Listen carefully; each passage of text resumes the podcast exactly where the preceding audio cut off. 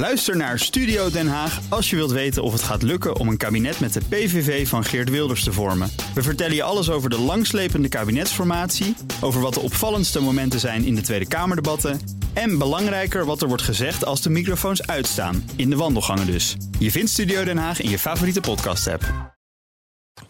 De column van Jaap Jansen. Terwijl het Binnenhof zich opwond over het papieren pact van Marrakesh, werden in volstrekte afzondering echt grote stappen genomen. In Brussel besprak minister van Financiën Wopke Hoekstra met zijn collega's de toekomstige architectuur van de eurozone. Frankrijk had grootse plannen. Er moest een euro-stabilisatiefonds komen, een Europese minister van Financiën en meer dingen die Nederland niet zinde. Het werd nachtwerk. De meeste collega's gingen naar een Brusselse bed, maar Hoekstra bleef, net als zijn grootste tegenstander, de Franse minister Bruno Le Maire. 16 uur zaten ze tegenover elkaar zonder te bewegen. Na zijn aantreden in 2017 analyseerde Hoekstra het Nederlandse belang. Creëer geen bodemloze putten en zorg dat je greep krijgt op het proces. Zijn voorganger Jeroen Dijsselbloem was streng, maar kon als voorzitter van de eurozone uiteindelijk altijd een bemiddelende rol spelen, want zijn Duitse collega Wolfgang Schäuble was nog strenger. Maar toen Hoekstra aantrad, stopte Schäuble. Wie gaf in de eurogroep nu nog tegengas? Hoekstra concludeerde: ik moet het zelf gaan doen. Na een vergadering van de ministers van Financiën prikte hij in een Brussels steakhouse een vorkje met de collega's uit Ierland, Denemarken, Zweden, Finland, Estland, Letland en Litouwen. Deze financiële haviken werden het snel eens. Die Franse plannen gaan te ver. Daar doen wij niet aan mee.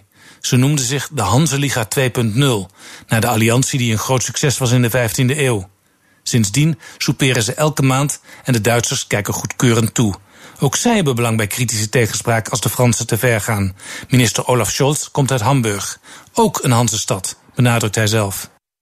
Wopke is onze leider, zeggen zijn metgezellen over de boomlange Nederlander. Bruno Le Maire vindt het maar niks, dat eigen gereide optreden van Wopke en de Zeven Dwergen. Hij zegt, gesloten clubs zijn niet in het belang van Europa.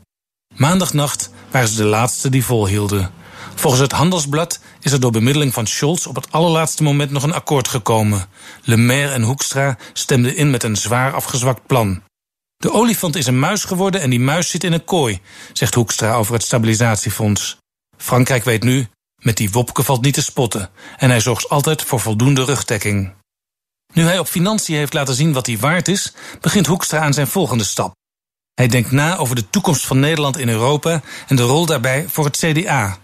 De kunst is, met behoud van individuele vrijheid en gelijkwaardigheid, zorgen voor cohesie in de samenleving, zei Hoekstra onlangs bij het Wetenschappelijk Instituut voor het CDA. Hij somde op waaraan een toekomstgerichte Europese begroting moet voldoen. Hier spreekt een minister die veel meer is dan een vakminister, zei oud-premier Jan-Peter Balkenende, die genoot van de jonge minister. Om me heen hoorde ik, daar staat de nieuwe Lubbers, razend nieuwsgierig en oplossingsgericht. Hoekstra zelf zal de suggestie ongetwijfeld afdoen met een grijns. Als jongen keek hij altijd naar het wekelijks gesprek met de minister-president. Zijn vader zei dan stevast: Die Lubbers, dat is een goeie. En de column van Jaap Jansen, die lees en luister je natuurlijk terug op bnr.nl en in de BNR-app. Ook Bas van Werven vind je in de BNR-app. Ja, je kunt live naar mij en Iwan luisteren tijdens de ochtendspits. Je krijgt een melding van Breaking News. En niet alleen onze podcast Ochtendnieuws, maar alle BNR-podcasts vind je in de app. Download nu de gratis BNR-app en blijf scherp.